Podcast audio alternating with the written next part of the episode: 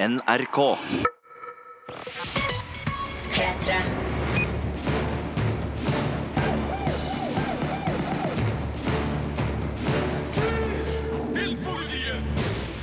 Velkommen til en ny podkast fra oss i Filmpolitiet, der er Birger Vestmo og min kollega Sigurd Vik, vi har hatt en utrolig hard uke, ikke sant, Sigurd? Som alltid, det er brutalt. Altså, Min mor advarte meg. Du kommer til å få firkanta øyne, gutten min. Du kommer til å få firkanta øyne hvis Ja. du ikke kommer deg ut i sola og slutter å se på alle disse filmene og seriene. Vi har sett filmer og vi har sett serier, og det er kvinnetungt i dag. Ja, altså, Du har jo sett Tomb Raider og Ladybird Ja, og men- Røverdatter. Ja, Det er det kvinnelige hovedpersoner i alle de tre filmene her, både foran og eh, i to av tilfellene bak kamera. Ja, og jeg har sett Top of the Lake sesong to, som har da Elisabeth Moss, Nicole Kidman og Gwendolyn Christie i hovedrollene. Det er bra damer, og som er også en serie som er laga av Jane Campion, som er en av de få gullpalmevinnerregissørene der ute. Fytti rakkeren, Birger, nå, nå er det bra her, altså. Filmpolitiet anmelder film. I think I know where they went. Our dads. To the bottom of the sea? They were headed to an uninhabited island. Somewhere off the coast of Japan. It used to be called Yamatai. That's right in the middle of the Devil's Sea. You might as well tie a stone to your foot and jump off the boat now. It'll be an adventure. Death is not an adventure. Alicia Vikander fra Sverige spiller Lara Croft i den nye filmatiseringa av Tomb Raider, regissert av norske Roar Uthaug, kjent for Fritt vilt, Flukt og Bølgen. Og eh, vi har begge sett filmen, Sigurd. Det er jeg som har anmeldt den på nett, og eh, jeg kan si med en gang at jeg har gitt terningkast fire. Jeg var fornøyd, jeg. Ifølge mine forventninger, i hvert fall, som var sånn passe, fordi mitt eh, forhold til Tomb Raider er forholdsvis eh, ikke-eksisterende fra før. Hva med deg? Nei, jeg har heller ikke spilt spesielt mye av spillene, men jeg har kosa meg med Lara Croft i filmversjon, Angelina Jolie, som da spilte før. Jeg syns den første filmen var god, og så syns jeg den andre filmen, oppfølgeren, var sånn der uh, action-type, B-type, helt i grenseland for om jeg orker å se den med, med frossenpizza. Men uh, jeg syns jo, i likhet med deg, at uh, Roar Uthaug har klart å truffe den der eh, eventyrfølelsen kombinert med actionunderholdning og eh, høy popkornfaktor, sa vel du her? Ja. ja, men det er morsomt. Det er underholdende. Jeg blir med på det her eventyret, og eh, jeg syns det er gøy å følge Alicia Vikander som en ny type Lara Croft, som er, er mye tøffere, mer, mer, skal vi si virkelighetsnær, da, enn det Angelina Jolies mer sånn tegneseriestiliserte versjon var. Og så har hun jo eh, ekstreme kvaliteter som skuespiller, som gjør at eh, Lara Croft fremstår som en uh, mer uh, nyansert figur, da, kan vi si. Ja, man, man kjenner litt på at hun, hun må jobbe for seerne sine. Altså, hun bruker, altså det, er, det er som du sier, det er mer virkelighetsnært, selv om det er over the top, og du merker at hun må jobbe for å få framdrift. Hun må tenke for å forstå. altså Det er liksom ikke bare sånn at alt ramler ned i hodet på. Når det er sagt, uh, hva syns du om, om manuset og, og plott? I, i denne filmen? Ja, altså Det er jo det som er filmens svakeste aspekt, da, fordi du får mer eller mindre det du forventer, uten noen store overraskelser, og man kan selvfølgelig peke på at eh, mye av det vi får i den nye Tomb Raider-filmen, er ting vi har sett før, og kanskje i bedre-filmer også, da, spesielt Indiana Jones. Og så minner jo filmen òg om um, Uncharted-spillene, som eh, mange har spilt, og eh, klart, den skårer ikke høyt på originalitet, da. Det gjør den ikke. Men jeg syns at uh, miljøskildringa og effektbruken og actionsekvensene holder en god nok eh, kvalitet til at jeg blir underholdt, og jeg syns at det er gøy å se på. Ja. Eh, Jeg har eh, på birollesida både et høydepunkt og et lavpunkt. For meg så er jo Walton Goggins i eh, Jeg avslører såpass at det er en slags skurkerolle han har. eh, Alltid et høydepunkt, men jeg var litt skuffa over eh, han som spiller faren til Angelina Jolie. Hva syns du om eh, Ja. Hans eh, rolle? Nei, Dominic West eh, har nok spilt bedre roller enn han gjør eh, her, og jeg vet ikke helt om jeg gikk god for det far-datter-forholdet som skildres i Tomb Raider. I anmeldelsen min så peker jeg på at Dominic West er bare 19 år eldre enn Alicia Vikander. Jeg vet ikke om det er noe der som skurrer, eller bare det faktum at Dominic West spiller ganske labert, rett og slett. Ja, jeg er litt enig der, og så syns jeg kanskje også at han er den som får minst hjelp av manuset, hvis det går an å si det. Altså, Den rollefiguren er skrevet helt ålreit som, som rollefigur, men jeg syns det han gjør, er litt sånn Jeg blir ikke grepet av hans historie på noe vis. Nei, kanskje ikke det. Men det som jeg syns er mest positivt med filmen, er jo at eh, Roar Uthaug viser jo eh, det vi vet han kan, nemlig å lage skikkelig kommersfilm som underholder godt, og det er mye veldig bra håndverk her. Altså, det er noen scener som er virkelig spektakulære, blant annet um, et skipsforlis og Lara Croft på et eh, falleferdig flyvrak hengende over en foss. og eh, det var- én scene der eh, kameraet stuper ned i jungelen og følger etter en løpende Lara Croft, og jeg tenker at dæven, det, her er- det her er tøft, altså.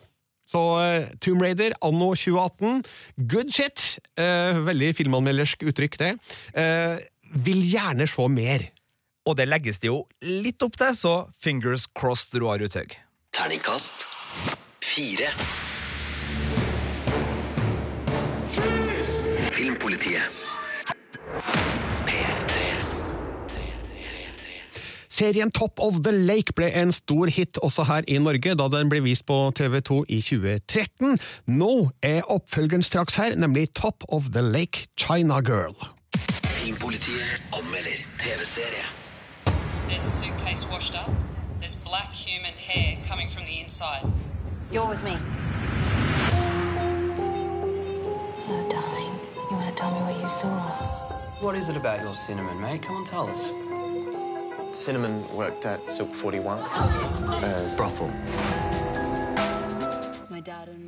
Top of the Lake sesong to heter altså China Girl og er påskekrim i år, Sigurd? Det er det. Fra og med mandag 26. mars så kommer den her til å gå som TV2s påskekrim. Men de har jo en strømmetjeneste TV2 som heter TV2 Sumo, og der ligger den allerede ute nå. Så dem som er skikkelig, skikkelig, skikkelig skikkelig krimhungrige, sånn som jeg er, og for så vidt også du er, Birger, Ja. så er jo det her en glimrende anledning til å tjuvstarte på påska og begynne å se Top of the Lake sesong to. Og det er fremdeles Elisabeth Moss som spiller hovedrollen som Robin Griffin. Det er det. Hun var jo på New Zealand i sesong én og etterforska en del eh, grusomheter på hjemstedet sitt der. Nå har hun flytta tilbake til Sydney i storbyen og er da der for å få karrieren tilbake på back on track. Og så har hun jo noen personlige problemer som hun selvfølgelig må finne ut litt av. Eh, Så dukker det opp en koffert med et lik, og så er vi i gang.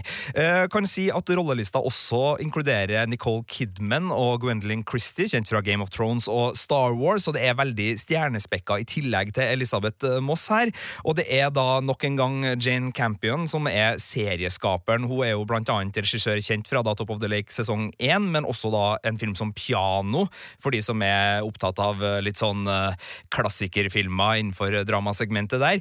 Eh, Men det, det svinger godt, og det er en veldig god serie på, på tema. Her er feminisme absolutt en av broddene. Det er mye ulumskheter på kollegiet blant politifolk. Vi ser hvordan de behandler damer.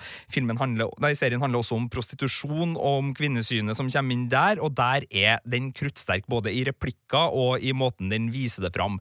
Så er den ikke like god som sesong én på eh, spenningsplottet. Altså, det, blir, det er litt sånn eh, det er litt for tilfeldig, de her tilfeldighetene som, som bygger opp en del ting. Det blir litt for mange sånne øh, Å ja, så de øh, møttes Å ja, ok, sånn, ja. Så, så det, det river litt i opplevelsen der. Ja. Men det virker ikke som serien egentlig bryr seg så mye om det. Det her er en tematisk utforskning av forbrytelsene, og både de som etterforsker, og de som utfører, og de som er offer. Og der er serien god. Men for dem som trenger at krimmen skal være litt sånn stolkantspennende, så er kanskje ikke Top of the Lake China Girl helt eh, tekoppen denne påska. Nei, men eh, det er Elisabeth Moss, da. Det er, Det- det er Peggy fra Mad Men. Det er det er June fra Handmaid's Tale. Det er det, og alt som eh, skal svinge av skuespillerprestasjoner, er knakende god. Og Nicole Kidman, Birger, som alltid, nydelig å se på. Og den andre sesongen av Top of the Lake, som altså heter China Girl, får dermed denne karakteren fra Sigurd Vik. Terningkast fire. Filmpolitiet.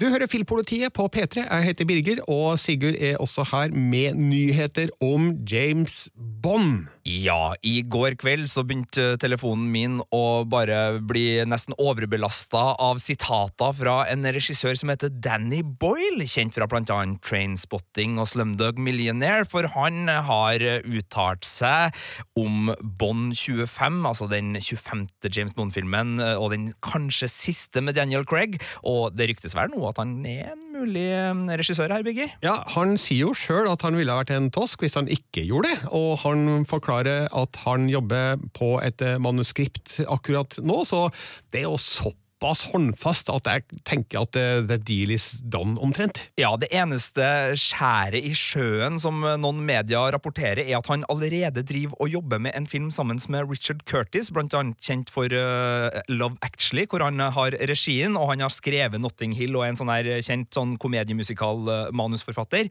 De har et prosjekt som er på trappene, og da begynner man jo å lure da om det kan bli en krasj, men det virker jo på sitatene fra Danny Boyle som at han har tenkt å sjonglere det her sånn noenlunde ålreit, eller? Ja, Han sier til publikasjonen Metro at uh, han håper å begynne innspillinga av den filmen om seks til sju uker, altså den med Richard Curtis. så da er den jo ferdig litt utpå sommeren, da, og kan begynne med James Bond til høsten. Kanskje, vi får se. Men jeg tror Danny Boyle er et veldig spennende, interessant og godt valg for en ny Bond-film. Det er en, og for de som er interessert, så kan dere høre på Filmpolitiet neste uke, for da skal vi anmelde serien Trust han har laga nå, som handler om Getty-familien og en kidnapping fra 70-tallet. Så Danny Boyle, altså aktiv type for tida.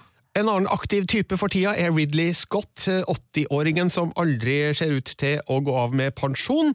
Eh, han har jo nettopp levert All the Money in the World, som har gått på norske kinoer, og han driver nå med Battle of Britain, en svær krigsfilm. Og så er han i forhandlinger med 20th Century Fox nå om å regissere Queen and Country, som vi har skjønt er basert på en tegneserie. Det er det. Det er en tegneserie som har gått fra 2001 til 2007, og som skal handle eller som handler om uh, Tara Chase, en uh, Special Operation-agent uh, som da jobber i et byrå som er ganske byråkratisk. det er visst en, en, tegneserie som vi absolutt ikke har lest, men som handler om det her byrået, og både deres spionoppdrag, men også litt sånn her realistisk hvordan det er å jobbe i en sånn serie. Og da tenker jeg på den her Le Byrå, som nå ligger på NRK nett-TV, den her franske spionserien som virkelig tar for seg arbeidsplassen, etterretningstjenesten men eh, nei, det blir spennende å se. Ja, jeg tror det blir mer actionorientert når Ridley Scott uh, lager agentfilm, og det skal handle om internasjonal terrorisme og et angrep i London, så vi får se hva det her blir. Han er altså i forhandlinger da, til uh, jobben som regissør på Queen and Country, så får vi se om det blir noe av. P3. Filmpolitiet anmelder film. Som liten så skjøt jeg og pappa med pil og bue.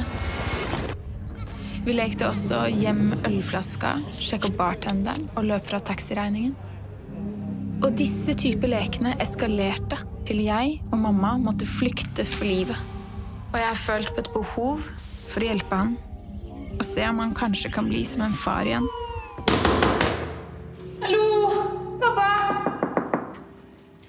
Røverdatter er en dokumentarfilm laga av eh, Sofia Haugan om forholdet mellom seg sjøl og hennes far Kjell Magne.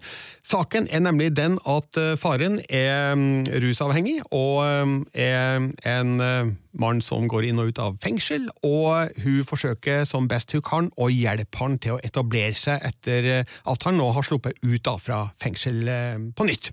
Og det her er en film som hadde sitt utspring i en eksamensfilm som Sofia Haugan laga i 2012 på NIS, og den så jeg på kortfilmfestivalen i Grimstad og ble veldig grepet av det jeg så der. Ja. Men nå har hun altså da utvikla hele ideen til en langfilmversjon, altså dokumentar-langfilm, og det er en sterk og personlig historie som legges frem her. Eh, om et litt spesielt far-datter-forhold.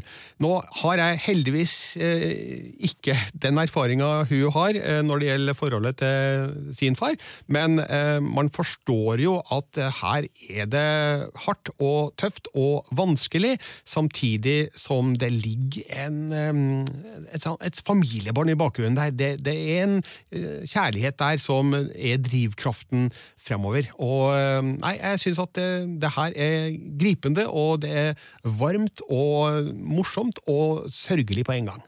Høres ut som en veldig subjektiv dokumentar, naturlig nok. Hvordan er den laga? Altså, er det Sofia som har kamera med seg, og som oppsøker situasjonene, eller er det noen som er mer flue på veggen og observerer det for oss? Eller? Ja, det er både og. Hun filmer litt sjøl, hun blir filma av andre, og så har hun utstyrt eh, faren med et kamera som han filmer seg sjøl med. Og der får vi jo et inntrykk av hvordan hverdagen hans er da, under innspillinga av, av filmen.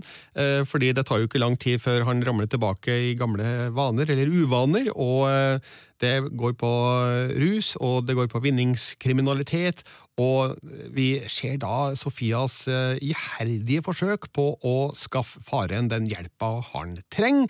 Og det er jo en kamp både mot et system som ikke alltid er like smidig som hun kanskje skulle ønske, samtidig som eh, hun også får motstand fra faren, som ikke alltid er like samarbeidsvillig, da, og som stadig vekk eh, ramler ned i rus og alkohol, når han virkelig ikke burde ha gjort det.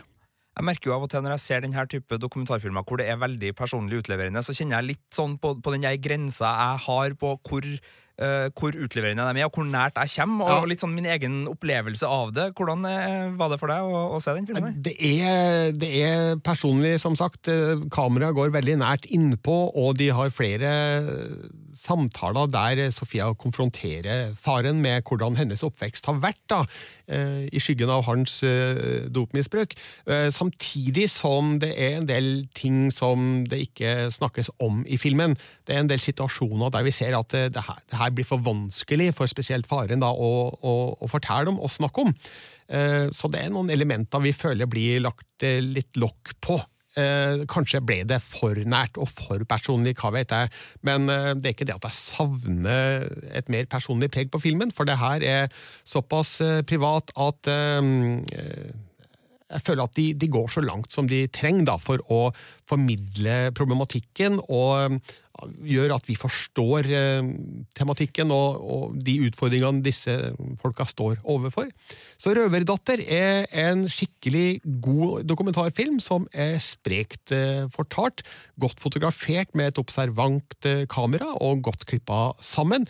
Og så er det fin musikk av Hanne Hukelberg eh, innimellom her, så det er veldig mye bra eh, med Røverdatter. Sikkert spesielt bra å se for de som er pårørende, pårørende av rusmisbrukere, men også vi som ikke har det, vil få åpna øynene opp for et samfunnsproblem som det kanskje ikke snakkes så mye om. Derfor får Sofia Haugans Røverdatter en fortjent Terningkast fem. Filmpolitiet. Vi skal over til premierefilmen Lady Bird. Filmpolitiet anmelder film. What she did was very baller. It was very anarchist. Put the magazine back! She has a big heart, your mom. She's warm, but she's also kind of scary. You can't be scary and warm. I think you can. Your mom is. So, you're not interested in any Catholic colleges? No way. I want schools like Yale, but not Yale because I probably couldn't get in. You definitely couldn't get in. Jeg skal bare si det med en gang, jeg elsker Lady Bird. Den er akkurat så god som du eh, håpa, Sigurd. Skjønt at du hadde visse forventninger til det? Det hadde jeg. Etter å ha sett eh, traileren her, så var jeg veldig gira, fordi den hørtes så replikk... Ja, vi hørte noe nå, altså de replikkene høres artig ut. Det virker som det er en sårhet og en nerve og en litt sånn der eh, underfundig indie-humor, som jeg liker å kalle det, for jeg er jo en sånn indie-fyr. Så, så jeg gledde meg til mye, og så vant den jo Golden Globes, var veldig nominert til Oscar, så forventningene var store her, Birger. Ja, og de innfris. Det er jo da Greta Gerwig som står bak. Hun er mest kjent som skuespiller fra filmer som Frances Ha og Mistress America, men her er hun regissør og manusforfatter, mens irske Sosha Ronan spiller da hovedrollen som Lady Bird. Det er et navn figuren har gitt seg sjøl. Hun heter egentlig Christine. Og hun bor i Sacramento i California. Hun går siste året på high school og begynner å ane konturene av voksenlivet langt der fremme, og um, hun må navigere seg gjennom en del problematikk både i familien og på skole og blant venner. Det handler om forhold til foreldre og um, venner, og ikke minst da kjærligheten som melder seg her, med visse forviklinger. Så her er det mye som foregår. Veldig mye av det rotfesta i virkelighetens eh, utfordringer. Så man kan kjenne seg igjen i det Ladybird går igjennom her. Jeg merker at det forholdet mellom eh, datter og mor, altså Ladybird og mora, er det som slår meg som både det, det viktigste og det vittigste, kanskje sånn ut fra, fra forhåndsklippene. Hvordan funker det i filmen? Ja, Det funker veldig bra, og det er riktig at det står i sentrum. Mora heter Marion, spilles av Laurie Metcalf, og hun ble også Oscar-nominert for eh, sin innsats der. Hun har jo da sine håp for datteras eh, fremtid, eh, spesielt når det gjelder valg av college, og så er ikke mm, Ladybird helt med på de notene, og det er et veldig et litt sånn anspent forhold da, mellom mor og datter her, som gir seg noen utslag senere i, i filmen, som jeg ikke skal avsløre her, men det er et veldig godt skildra mor-datter-forhold der man ser at det er et uh, kjærlighetsbånd mellom dem, som det gjerne er mellom uh, foreldre og deres barn, samtidig som at det er anspent, og det er vanskelig, og det er mye usagt mellom dem, sjøl om uh, slarva går altså gjennom hele filmen, for det her er en såkalt dialogtung film der eh, manuset er morsomt eh, lekent eh, skrevet og fremført naturlig av gode skuespillere. Altså, her er det mye å glede seg over, altså. Jeg må bare spørre, for jeg, som jeg nevnte innledningsvis, jeg er en sånn indie-fyr, og jeg vet at Greta Gervig er en sånn indie-yndling. Hun kom liksom fra den her mumblecore-bevegelsen sammen med Joe Swanson, som er mest kjent for Easy-serien på Netflix, og så har hun jobba masse med Noah Baumbach, som er også en sånn indie-yndling. Altså, ja. Hvordan er, en sånn indie-film, Birger Vestmo, hvis det går an å spørre om det? Altså, Indie-røttene eh, er jo veldig merkbare her, og eh, vi kan jo sikkert kalle det en eh, en indie-film bare finansiert av et større filmstudio. Så det er klart, hun har tatt vare på indie-filmrøttene sine her, og det gjør hun godt med en film som har vesentlige ting å si om oppvekst og familie, og som forteller historien med mye munterhet. Jeg, jeg lo masse, og så fikk jeg en klump i halsen også av andre ting. Og det er i, i det hele tatt en uimotståelig sjarmbombe, har jeg skrevet i anmeldelsen min, og det må man bare stå for. Og nå er det sånn at Greta Gervig er en veldig god skuespiller, og jeg håper jo at hun gjør flere ting foran kamera, men jaggu har hun talent nok til å stå bak kamera også. Terningkast fem. Filmpolitiet. Filmpolitiet anmelder TV-serie. There are two types of emergency. The first kind is the one we all have every day. We have to help her get some air. Why don't I just punch it in its face? You can't just punch a snake in the face, Buck. It's a snake. It's not some guy at an El Torito happy hour. Then there's the second kind of emergency. The kind that comes without warning. 911 er en ny serie om de såkalte First Responders, og jeg nevnte Trump eh, for litt siden eh, her, Sigurd, og det er fordi jeg legger merke til at hver gang det er en skoleskyting eller annen stor tragedie i USA, så er Trump eh, straks ut på Twitter og hyller da sine first responders. Eh, og det er jo veldig lett da å, å holde med disse folka. Det er umulig å ikke like de her menneskene, som da er de som tar telefonen når du ringer i USA 911, de som rykker ut med brannbilen, de som kommer i ambulansen, politiet som kommer for å hjelpe deg, og det er jo den her forholdsvis følelsesladde gjengen som, eh, og, de- og de emosjonene vi har rundt det, som Ryan Murphy, kjent blant annet da for å ha laga American Horror Story og American Crime Story, nå ønsker å ta tak i. Og nå skal jeg være litt sånn uh, flåsete og litt eh, teit, Birger, men det her er på en måte litt sånn der nødhjelpsporno i serieformat, for her er det liksom de uh, mest emosjonelle situasjonene du kan tenke deg i løpet av en dag, og det bare pepres med det. Jeg har bare sett første episoden, men du verden, der skjedde mye. Det er sånne ting som en eh, Har du slanger, så blir du kvalt av slangen. Er du eh, tenåringsgravid, så føder du i do, og så må babyen din reddes ut av eh, kloakkrøret.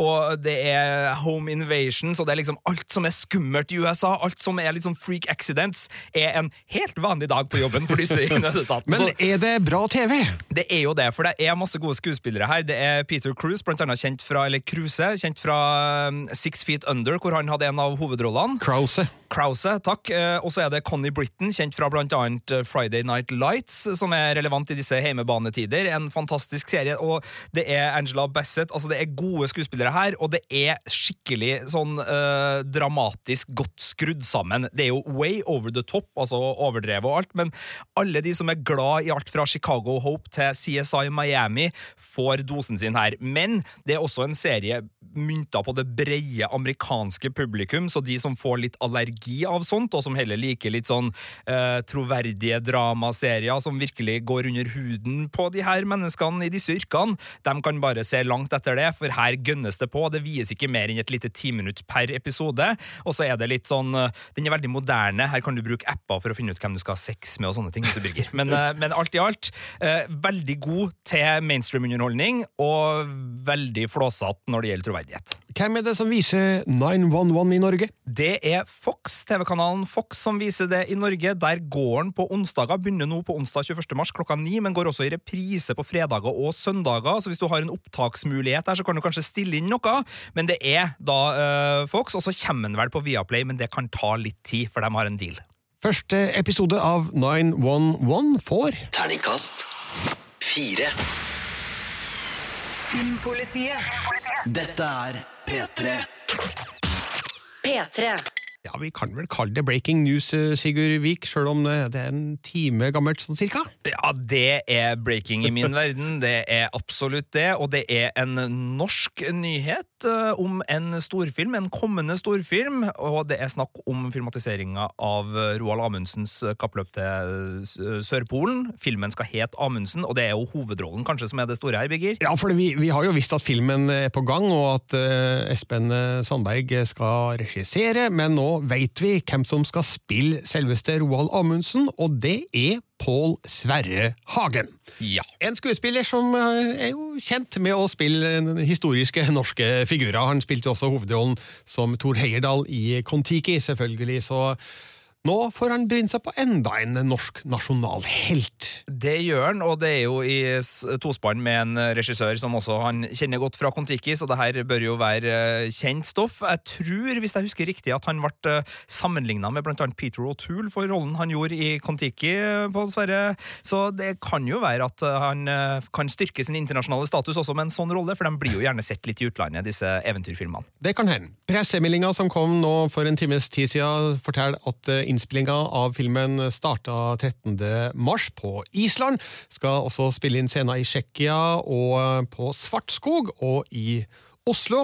Og i tillegg til mm, Mr. Pål Sverre Hagen, så skal Christian Rubek spille hans bror Leon Amundsen.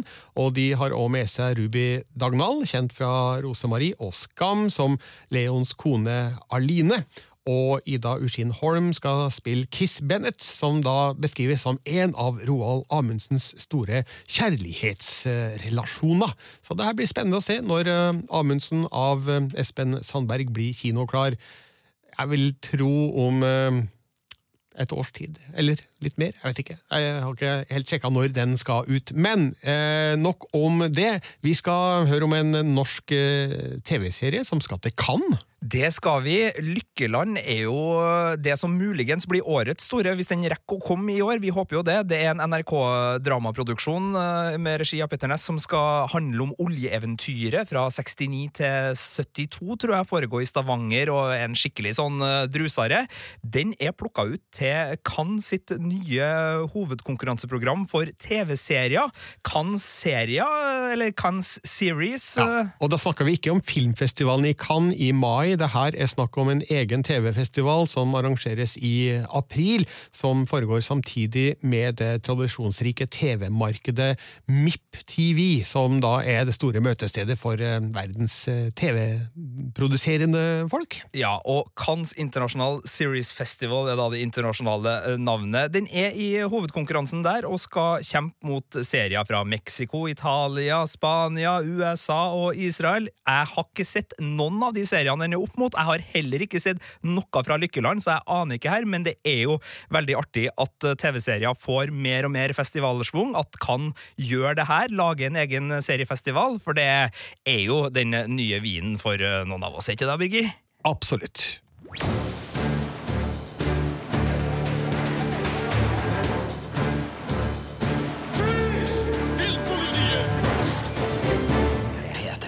Og vi skal rett og slett ta en roundup av filmer vi har sett, men ikke rukket å anmelde, rett og slett. Og vi starter med Annihilation på Netflix. Sharks have teeth like that. Not possible. You can't crossbreed different species. What is it? The soldiers on the last expedition. They went crazy, or something in here killed them. Something's come through the fence. Through the fence? Ny stor film på Netflix som heter Annihilation, og den har du sett, Sigurd? Det har jeg. Den kom denne mandagen, og i USA så er det her en stor kinofilm. Den er laga av Alex Garland, som hadde regi på blant annet Ex Machina. Den har Natalie Portman og Jennifer Jason Lee i hovedrollene, og også uh, Tuva Novotny, svensk, men også norsktalende skuespillerinne, kjent blant annet fra Dag. En sci-fi-film. Men Paramount, som har gitt den ut, var litt skeptisk, så i Europa så er det rett på Netflix den har kommet. Det her er en veldig smart, stilig, visuelt lekker sci-fi-film med tankegods rundt uh, celler som deler seg, mutasjoner, muligheter osv., osv., om et team som må inn i en sone for å utforske ting. De som har veldig god filmhukommelse, ja da, Stalker er en filmreferanse her, og det er også Alex Garlands Ex Machina. Det er kult. Den er ikke så pen som andre mener at den er, syns jeg, men hvis du liker den sjangeren, den smarte sci-fi-sjangeren, absolutt verdt å sjekke ut uh, Annihilation. En film som faktisk går på kino, og som har premiere i dag, er den fransk-belgisk-libanesiske Syria-filmen Insuriated.